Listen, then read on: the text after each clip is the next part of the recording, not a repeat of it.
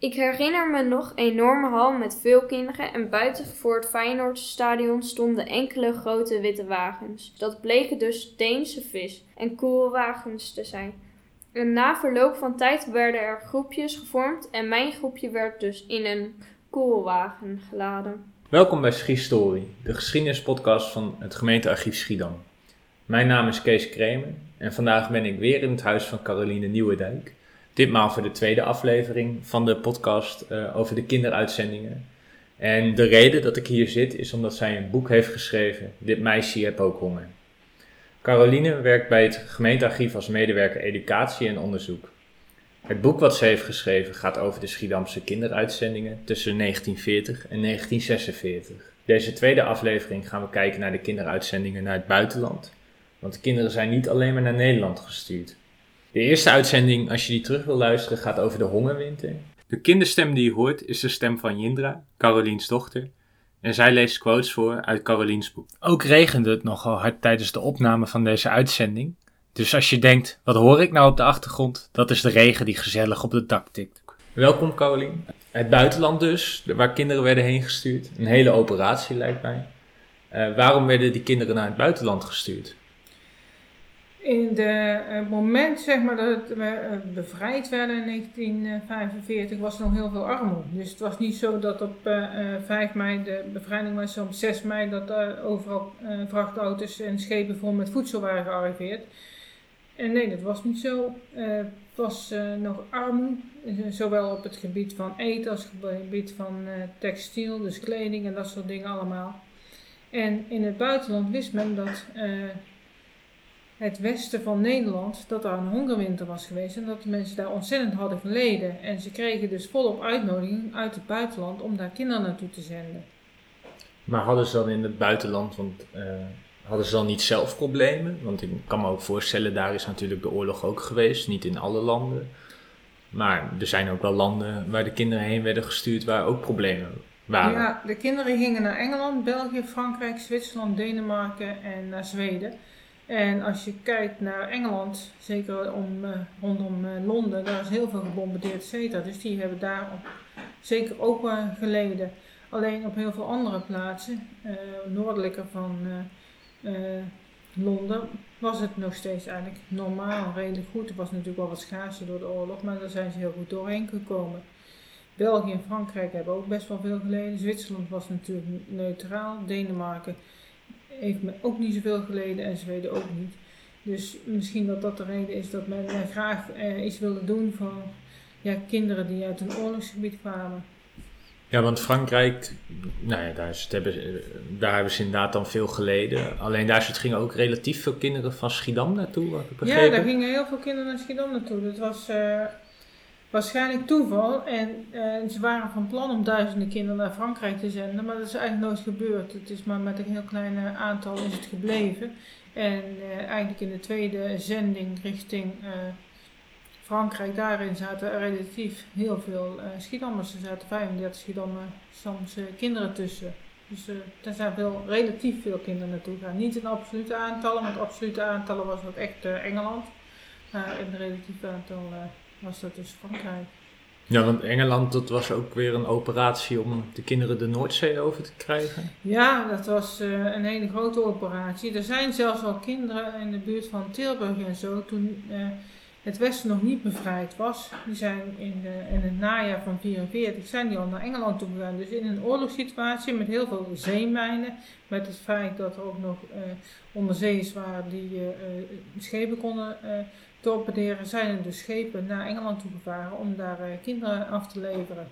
Ja, ik zou mijn kind daar niet uh, op hebben gezet, moet ik eerlijk zeggen. En ook daarna nog. Er was een schip dat, uh, dat moest naar Rotterdam komen, de Huygens. En daar zouden heel veel Rotterdamse en ook Schiedamse kinderen mee meegaan. Maar dat ging niet door, want dat schip dat liep op een zeemij en is gezonken. Dus het was totaal vernield. En toch zijn er toen uh, ouders geweest die op een tweede schip dus hun kinderen hebben gezet richting uh, Engeland. En daar zaten dus ook Engelse kinderen, of daar zaten ook kinderen uit Schiedam tussen die naar Engeland zijn gegaan. Schiedamse kinderen gingen allemaal met de praak mee. En de ouders wisten waar hun kind heen ging? Ehm, dat weet ik niet voor 100%. Eh ze wisten in ieder geval dat ze vier maanden weg zouden blijven. Twee maanden naar een kamp en twee maanden naar een pleeggezin. Dat is in ieder geval een Engelse situatie zo. En eh, ze wisten waarschijnlijk wel kamp het zou eh, zijn. En of ze het op dat moment al wisten naar welk pleeggezin, dat denk ik niet. Ik denk dat dat in Engeland verdeeld werd. En, maar ze kregen vooraf wel het adres van de pleeg, pleeggezin voordat hun kinderen dus daar daadwerkelijk waren. En ja, België was ook een land waar kinderen heen werden gestuurd. Wat volgens mij ook eh, ja, door de Tweede Wereldoorlog wel getroffen is. En dat is op het duur gestopt, als ik het goed begrijp. Ja, dat is ook, dat- er zijn ook niet zoveel kinderen mee naartoe gegaan. Ja, België had ook zwaar geleden eigenlijk onder de eh, oorlog. Ze hadden geen eh, grote veldslagen gehad zoals in de Eerste Wereldoorlog, dat niet. En ze hadden geen hongerwinter gehad, maar ja, ze hadden heel wat te, te stellen gehad met die Duitsers. Dus het was daar ook eigenlijk armoede. Ja, en de noordelijke landen, je hebt dus inderdaad Zweden en Denemarken, daar werden de kinderen heen gestuurd. En eh, ja, ik las dat er ook bepaalde eisen werden gesteld. Eh, met name ook met bijvoorbeeld dat er DDT werd gespoten over de kinderen heen. Eh, kan je daar wat meer over vertellen? Ja, ehm, men was wel bang om eh, besmettelijke ziektes mee naar binnen te krijgen met die kinderen. Dus eh, ze wilden dat de kinderen geen besmettelijke ziekte hadden. Dus eh, geen mazelen, geen bof, geen difterie, geen roodvonk. Dat allemaal niet. En ook liever niet dat ze luizen hadden, al waren die in die tijd nog redelijk moeilijk te bestrijden. Maar met zo'n DTT-spuit zijn alle luizen weg, zowel de hoofdluizen als de klierluizen. Alleen eh, DDT is best wel gevaarlijk. Tegenwoordig wordt het eigenlijk verboden. En het wordt alleen nog in eh malaria-gebieden gebruikt waar, eh, waar ze eigenlijk niet van de malaria mogen afkomen. En dan wordt het gespoten en ja, dan moet je binnen blijven, et cetera. Maar dat spul werd in aan het einde van de Tweede Wereldoorlog, na de bevrijding, ja, werd het over iedereen heen gespoten, volwassenen of kinderen. Meestal ge- kregen ze daarmee, op het moment dat ze vertrokken in Nederland, en kregen ze nog een keer de volle lading als ze in het land eh, zelf eh, waren aangekomen. Ja, slecht voor te stellen nu, of tenminste eh, dat je inderdaad met DDT wordt bespoten. Maar er waren ook nog meer eisen, of tenminste de landen hadden best wel wat eisen hoe die kinderen, eh, wat, waar de kinderen aan moesten voldoen. Ja, bijvoorbeeld in Zwitserland, daar mochten niet te veel eh, katholieke kinderen naartoe. Ja, in Zwitserland zijn heel weinig katholieken. En ze wilden heel graag kinderen bij een uh, pleeggezin eh, onderbrengen die hetzelfde geloof had als zij zelf. Dus daarom eh, werd gezegd dat er eh, minder katholieke kinderen naartoe mochten. En er waren ook eisen qua leeftijd. Eh, eigenlijk was het best wel moeilijk om kinderen tussen de 12 en de 16 jaar om die weg te krijgen. Nou is er eh, Zwitserland hadden ze wel een paar kampen voor eh, oudere eh, kinderen, oftewel eh, jongeren, dus zeg maar van 14 plus. Maar in sommige landen is dat eigenlijk niet gebeurd. Zijn ze eigenlijk met eh, 12 jaar zijn ze gestopt. Ja, want Zwitserland gingen ook vooral kinderen heen die wel ziek waren, toch? Daar gingen alleen kinderen heen eigenlijk die ademhalingsmoeilijkheden hadden. Dus die konden astma hebben of bronchitis, maar in ieder geval longproblemen. Dan gingen ze die kant op. Maar geen kinderen die TBC hadden, want TBC is natuurlijk een besmettelijke ziekte en daar moet je, eh, die moeten naar een sanatoria. Nou is er uit eh, Schiedam één kind geweest wat wel naar het sanatorium is gegaan, maar de rest is allemaal gewoon naar normale reguliere kampen gegaan. En hoe vonden de kinderen het eigenlijk zelf? Je kan naar een vreemd land. hoe, hoe hebben ze dat ervaren? Ja, het, eh, ik kan me voorstellen dat de kinderen het allemaal eng vonden, et cetera. Maar dat heb ik eigenlijk niet gehoord. De kinderen vonden het dus kennelijk dus avontuurlijk of zo. Ik weet het niet. Maar in ieder geval, eh, nu ze 80 zijn, eh, vinden ze het eigenlijk allemaal ontzettend fijn dat ze er zijn geweest. Dat ze in zo'n pleegzoon hebben gezeten. Dat ze zo'n land op zo'n ja, langdurige en, en ja, intieme manier hebben leren kennen. Vinden ze allemaal fijn. En heel veel van die... kinderen die zijn eigenlijk altijd weer terug geweest naar het land. Dat, hebben, dat eh, land waar ze naartoe zijn gezonden, zijn ze als een tweede vaderland gaan beschouwen. En ze spreken de taal ook meestal eh, vrij goed. En eh, hebben tot aan de dood van hun pleegouders zijn ze daar af en toe naartoe geweest. Of bij de broers of zussen. En ja, ze hebben dat eigenlijk omarmd. Ja, want de taal spreken, ik, hoor, ik las inderdaad ve- veel terug dat kinderen dat graag wilden leren. Nou, je moest wel, want ja, je zat in een pleeggezin en niemand spreekt eh, Nederlands. Dus ja, dan moet je wel eh, een stap de andere richting in doen. En ja, wat je wordt gezegd meestal is dat als je drie maanden in een uh, ander land bent met een andere taal en er is niemand die jouw taal spreekt, dat je dan de taal spreekt. Nou, ik weet niet of dat iedereen geldt, maar in ieder geval voor kinderen leren natuurlijk makkelijk nog iets aan. Dus voor hun was het redelijk makkelijk denk ik om die taal te spreken. In ieder geval op het niveau van dat je alledaagse dingen kunt zetten, al, zeggen als ik heb honger ik wil graag een boek lezen, mag ik buiten spelen, etc. Ik sprak natuurlijk alleen Nederlands en zij spraken alleen Deens. Met handen en voeten moet je dan kenbaar maken wat je wil. Op een gegeven moment had ik ook een boekje met een Nederlands woorden, woordenlijstje. En toen liepen we op straat. Toen was het zulk weer als het nu is, grauw en grijs. En toen wilde ik zeggen, de hemel is bedekt. Dan zeg je himlen er over skiet. Maar in plaats van skiet zei ik skiet. En dat is schijten. Sorry.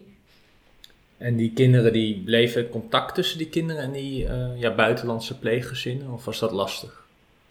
Nee, die bleven contact houden, ook toen, die, uh, toen ze weer terug waren in Schiedam. En dat was uh, door middel van het schrijven van brieven. Nou hadden heel veel kinderen, die hadden geen school gehad in het nieuwe vaderland. Of uh, maar zo weinig dat ze dat niet goed konden schrijven. Dus vaak werd er wel gebruik gemaakt van een tolk. En op de een of andere manier regelen ze dat. dat of dat nog het IKB deed, het Interkerkelijk Bureau, of de Nationale Commissie voor Kinderuitzending 1945. Of dat ze dat op andere manier regelden, weet ik niet. Maar ik heb ook heel veel brieven gezien, zowel in het, bijvoorbeeld in het Zweeds in de vertaling. Of in het Engels en in de vertaling. Bij wie dat dan precies terecht is gekomen, weet ik niet.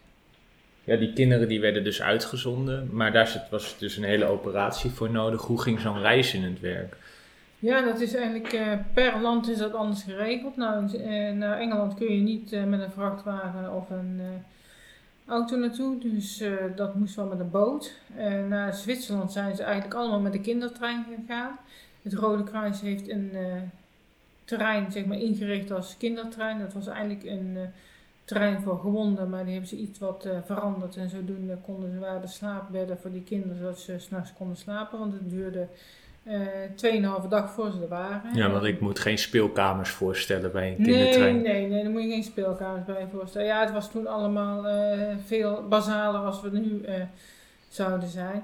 Maar de kinderen moesten wel slapen. En het grote probleem dat zo lang duurde was omdat bijna overal de bruggen waren gebombardeerd en weg waren. Dus ze moesten allemaal ja, via uh, een andere route rijden. Of er heel vaak enkel spoor. Dus moesten we wachten tot de andere keer treinen er langs was geen spoor dat zij weer konden, et cetera. Dus daarom moesten de bedden zijn, want ze moesten daar 2,5 dag in die trein bivakeren. Maar de meeste kinderen vonden dat wel leuk, zo'n kindertrein. Dus in Zwitserland zijn ze met de trein gegaan. Naar Denemarken en naar Zweden gingen ze voor een groot gedeelte met uh, de viswagens mee. Dan moet je een soort van uh, kleine vrachtwagen voorstellen. Uh, ja, met haken aan het plafond en die haken bleven daar hangen. En dan daaronder op het stro sliepen de kinderen of zaten ze. Het duurde een paar dagen voordat ze dan op de plek van bestemming waren. En de deur werd open. Ja, kijk in zo'n vrachtauto voor vissen. Dode vissen hebben geen ramen nodig om doorheen te kijken. Dus die ramen waren er niet. Wat ze deden was de deur openzetten en dan zetten ze een hekje voor, dat, zodat niemand naar buiten kon vallen. Maar dan kon je wel, uh, als je in de vrachtwagen zat, naar buiten kijken. En dan uh, s'nachts deze die deur gewoon dicht en dan kon je dus slapen op het stro. Maar het vervelende van die viswagens was wel dat die haken die bovenin hingen, die bleef natuurlijk klingelen op het moment dat die auto's dus reden. Dus er zijn sommige kinderen die zeggen van nou het was vreselijk, ik kon slapen van de herrie. En anderen zeiden ik vond het heerlijk om op deze manier te reizen. En uh, Frank die vertelde dat hij het uh, fijn vond om zo te reizen. Want zei ja, dan kon je tenminste uitgebreid liggen. Terwijl op de terugweg gingen ze met de trein terug, ook de kindertrein. Die is daar naartoe gereden. En hij zei, ja, dat vond ik vreselijk. Van, ik vond dat ik veel te uh, weinig plek had om in te slapen. Ja, want die kinderen werden eigenlijk ook allemaal weer tegelijk opgehaald. Met dezelfde kinderen als waarmee ze heen gingen, gingen ze ook weer terug. Ja, ja precies. En uh, in de meeste gevallen, ja, ze zijn niet allemaal even lang weggebleven. Naar uh, Frankrijk en België was het eh, drie maanden. En ik geloof Zwitserland ook. Eh, Engeland vier maanden. Maar naar Zweden gingen ze zeven maanden. Dus het was een heel stuk langer. En dat kwam door de winter en omdat ze die kinderen ook weer terug moesten brengen. Dus dan, daardoor was het viswagens heen. En toen hadden ze dus de luxe, zo zagen ze dat, om met de trein terug te gaan.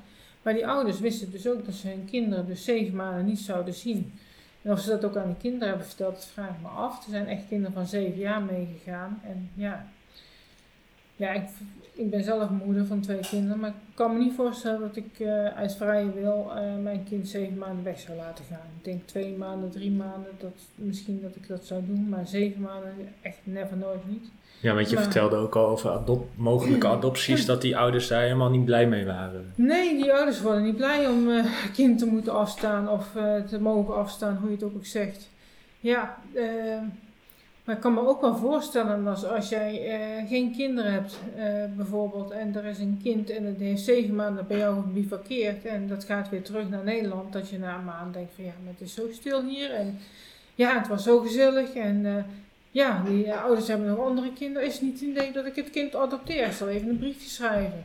Ja, je bent natuurlijk zo gehecht aan zo'n kind dat je het, ja, dat kan me heel goed voorstellen dat je het wil adopteren. Ja, want werden die kinderen wel werden die goed behandeld in het buitenland? Ik heb alleen maar verhalen gehoord van dat ze goed behandeld werden, echt. Ja, ik heb geen enkel, uh, nee. Eén uh, jongen daarvan vond ik dat hij vreemd behandeld werd, maar en hij heeft ook zelf nooit meer uh, contact gehouden met zijn pleegouders. Hij was een jaar of tien, als ik me het goed herinner. Ik kwam in het gezin met twee kinderen, ook van rond die leeftijd, een meisje en een jongen. Maar hij mocht niet eh, met de speelgoed spelen van die kinderen. En uh, hij speelde ook nooit met die kinderen. Dus hij uh, heeft heel veel buiten gespeeld. En hij uh, mocht wel een fiets meenemen. Dat vond hij heerlijk fietsen. Dus hij heeft heel veel in de buurt rondgefietst. En dat was het een beetje. En waar was dat? Het was in Engeland. Okay. Hij zat eerst twee maanden in het, in het kamp in Pontefract. En daarna is hij twee maanden in het pleeggezin geweest kan me even uh, stad niet meer herinneren, moet ik niet zeggen.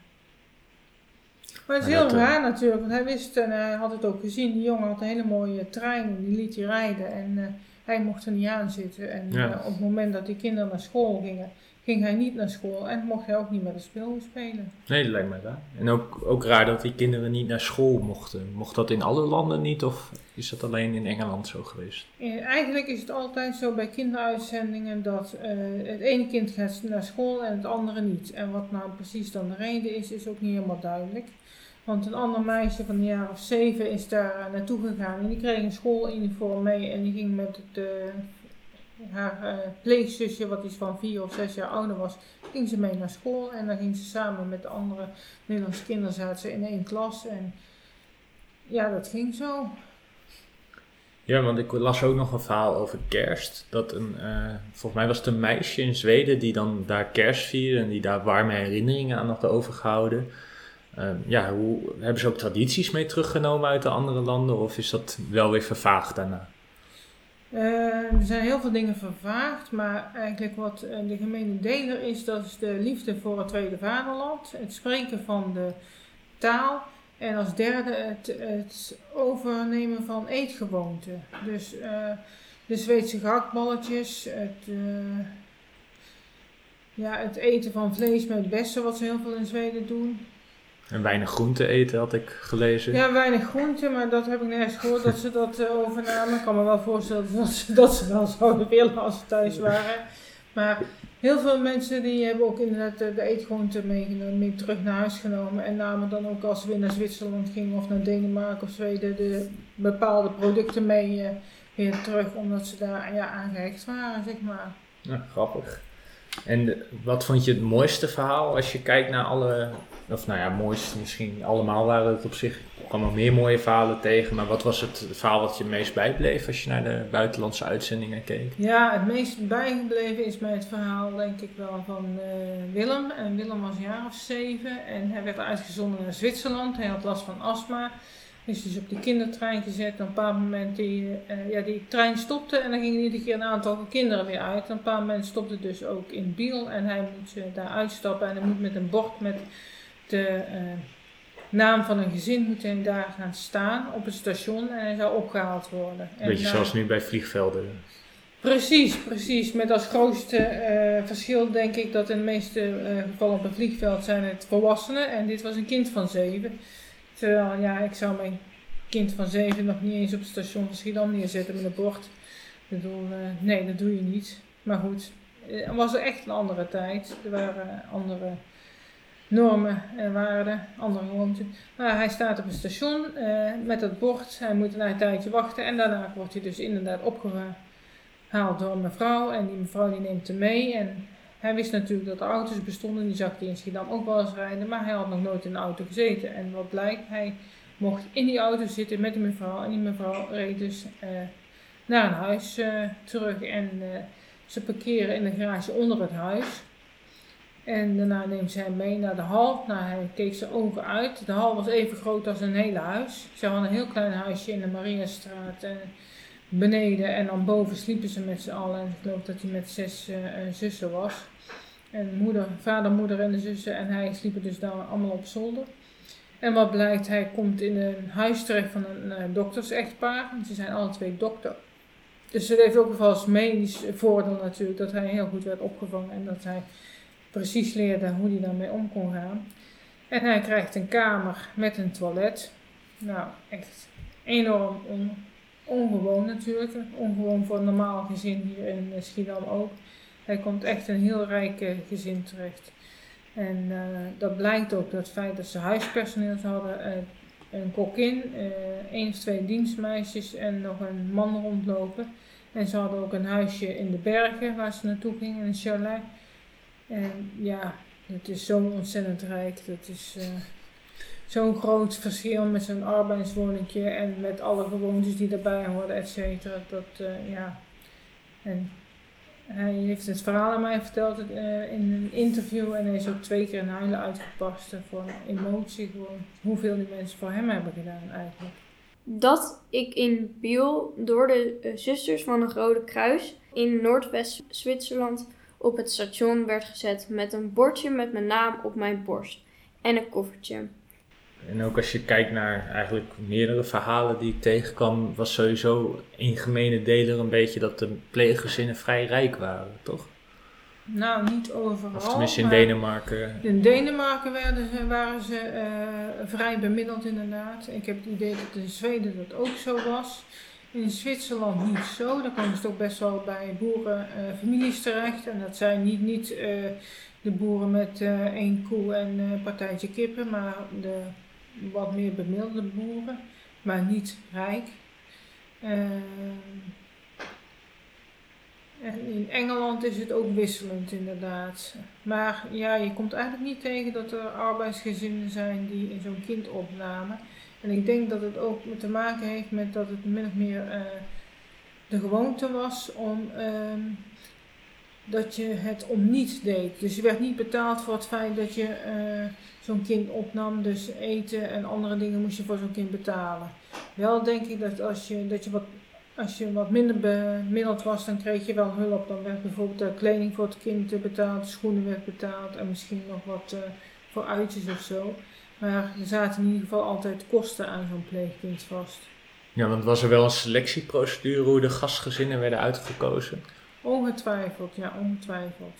Maar het is ook lastig natuurlijk vanuit Nederland, denk ik, richting... eh, Eh, vanuit Ne- Nederland moesten we maar op vertrouwen dat er goede gezinnen werden uitgekozen. En ik denk eh, het ontvangend land dat hij wel een duidelijke selectie doet. Ik denk dat er huisbezoeken waren en dat er wel over gesproken was. Wat ik wel weet is dat in eh, Engeland eh, ging de leiding die ging, eh, van die kampen, die zorgde ook min of meer voor die kinderen op het moment dat ze daar waren. Dus die gingen op huisbezoek. En in Zweden deden ze dat ook en in Denemarken. Dus er was ook een soort van controle. ze waren dus in goede handen. Ze waren in goede handen en eens in de zoveel tijd kwam er zo'n, hoe heet dat, eh, Nederlands sprekende leiding langs. Het kon een man of een vrouw zijn en die eh, kwam dan met de familie en met het kind praten. Dus dan konden ze zien of het kind nog wat nodig had en of het inderdaad nog allemaal oké was. Ja. Ja, want waren er communicatieproblemen? Ik kan me zo voorstellen als je dan daar komt dat de- het pleeggezin geen Nederlands spreekt. Het kind ook niet. Zijn daar verhalen van bekend of is daar niet over gesproken in de interviews? Er is weinig over gesproken in de interviews. Misschien ook mijn fout omdat ik daar te weinig over heb gevraagd. Ja, dat kan wel. Wat ik wel eh, weet is dat er een uh, bepaald moment was er een, jongen, die, uh, Kees heette die, die was in Engeland. Kees had hepatitis gekregen, oftewel geelzucht. En daar was hij best wel ziek van. En hij was bij dat pleeggezin. En het pleeggezin, dat die moeder, die, schreef een beetje een venijnige brief naar de ouders toe van... Um, als u wilt, zou u dan zo snel mogelijk terug willen schrijven. Hij heeft hepatitis gekregen, maar het is niet ernstig, maar hij moet goed eten. En ik heb medicijn gekregen en gehoord wat, wat soort eten hij moet hebben. Maar alles wat ik hem geef, dat eet hij niet. En de medicijnen wil hij ook niet innemen. En dan even later schrijft ze. Uh, vanmiddag komt uh, de leider langs, zeg maar even Jan. En uh, ik zal tegen Jan zeggen dat hij even een pittig gesprek met hem moet hebben. Dus de moeder had nog wel controle ja, ik denk het wel. Maar ik kan me ook wel voorstellen dat als je een kind, of nou je eigen kind is of een pleegkind, maar uh, het kind is ziek en je weet hoe je het beter moet maken, wat het te eten moet geven, wat het medicijn is en het kind weigert, ja, dan word je een beetje boos. En, dus die zocht duidelijk hulp bij de ouders en bij, uh, bij de leiding van, uh, van de kinderen. En wat ik ook apart vond, de kinderen kwamen na een tijd terug en sommige kinderen werden niet meer herkend helemaal door de ouders. Ja, dat vind ik ook heel apart, want ik kan me dat niet voorstellen waar, nee. uh, hoe dat, ja, dat gebeurde met uh, uh, de kinderen die terugkwamen naar de hongerwinter, die weer terugkwamen bij de ouders. Maar het gebeurde ook met de kinderen dus die naar het buitenland waren gegaan. Ik denk die kinderen met het buitenland gingen, kan, het, kan ik het beter voorstellen, omdat die kinderen kregen vaak kleding mee. En die hadden ze dan aan, bijvoorbeeld skikleding uit Zweden, kwamen ze met skikleding aan. En ja, als je een kind met skikleding aan ziet, die, ook nog iets groter is en wat dikker dan het kind dat je hebt uh, uh, afgegeven, ja, dan kan ik me voorstellen dat je even een iets ander beeld hebt. Dus, uh, maar het lijkt me toch nog vreemd, moet ja. ik zeggen.